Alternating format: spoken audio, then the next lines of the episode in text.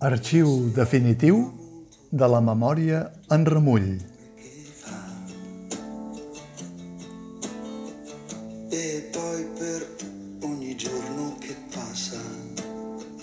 faccio un segno su un muro di questa città. A la població de Sant Llorenç d'Escardassà, a la comarca de Llevant, illa de Mallorca, anomenat Sant Llis en la ficció documental sobre fets reals en què es basa l'obra Zona Inundable, de Marta Barceló, una riuada del 9 d'octubre de l'any 2018 va provocar una de les tragèdies meteorològiques més importants que es recorden a l'illa, tant amb la pèrdua d'habitatges com personals, 13 morts, a més de la completa inundació dels arxius dels jutjats de pau, amb la conseqüència que bona part de la memòria dels avantpassats del poble va quedar esborrada. L'obra, que va obtenir el Premi Vila de Santanyí de Teatre, parla d'aquests fets tràgics no tant com ho faria un 30 minuts a la carta, sinó a partir de les vivències d'una sèrie de personatges que, des de la seva inicial fortalesa, acaben mostrant-se com peces fràgils d'un planeta cada vegada més desbocat. Així, els sis intèrprets alternen diversos papers, locutors de ràdio i televisió que donen la notícia de la riuada, diversos arxivers que es mobilitzen com a voluntaris per recuperar i restaurar els documents enfangats, una geòloga que aporta el presumpte criteri científic, però sobretot allò que podria caure en un còmode i simple documental descriptiu amaga les reaccions de quatre personatges essencials, un picapedrer i paleta amb una furgoneta anomenada Fortuna que li té el cor robat, una mare soltera que té una perruqueria oberta, el seu fill, amb qui no té una relació gaire bona, un jove amic del fill com a personatge absent que lliga bona part de la trama i una dona ja gran de Sant Llis que viu sola i que arrossega el pes d'haver perdut una filla més de 30 anys enrere. L'autor aprofita, doncs, una tragèdia col·lectiva com la de la riuada de la reanomenada població de Sant Llis per aprofundir en les petites tragèdies de cadascun dels personatges. I perquè, de la mateixa manera que amb els arxius inundats s'intenta reconstruir la memòria col·lectiva, es reconstrueixi també la memòria personal de cadascun dels quatre principals protagonistes. El muntatge juga amb efectes senzills escenogràficament, però que aconsegueixen l'impacte que una torrentada imprimeix en qui l'ha patida, ja sigui en la ficció de Sant Llis o en qualsevol altra població de zones geològicament inundables, irresponsablement alterades, com ho són moltes del litoral i el prelitoral mediterrani. Tota l'acció té lloc en un espai enclaustrat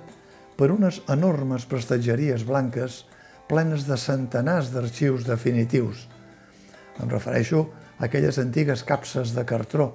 dels arxius dels despatxos tradicionals del segle passat, abans que existís l'arxiu digital, que és tan feble pels ciberatacs actuals com ho era la pasta de paper.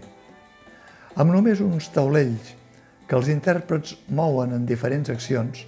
i amb eficaços efectes d'il·luminació i so, a més d'una subtil projecció per aparentar l'aiguada, la tragèdia de la riuada es va fent present a poc a poc durant tota la trama, 90 minuts, interrompuda només per les intervencions en solitari, corals o en diàleg de cadascun dels personatges. Zona Inundable compta amb un repartiment que, fruit de la coproducció teatral catalano-balear, reuneix intèrprets que, més que mai, reflecteixen la diversitat dialèctica del català, la interpretació de la qual és tan ben dita com curosa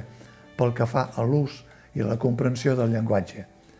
Llàstima de tres o quatre joders invasius del personatge més jove i s'enriqueix amb la variant dialectal de les illes i combina l'oriental i l'occidental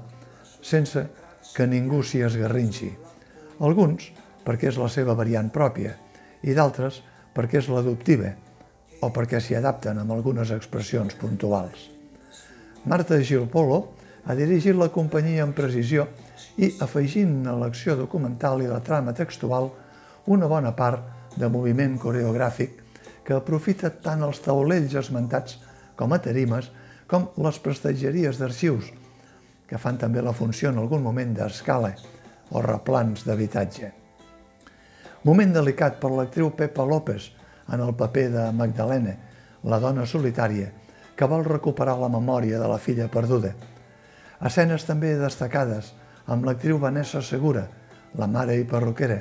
i l'actor Albert Triay, el picapedrer de la furgoneta Fortuna. Moments més epidèrmics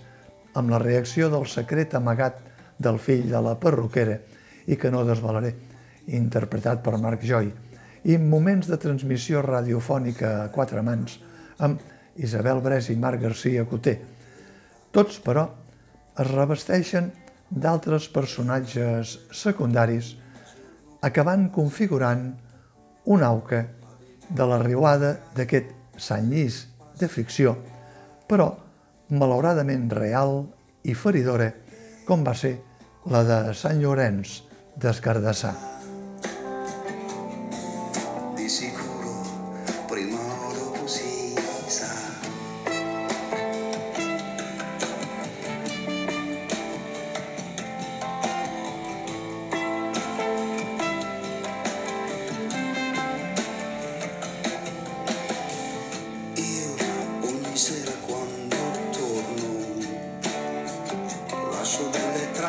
bianche sulla polvere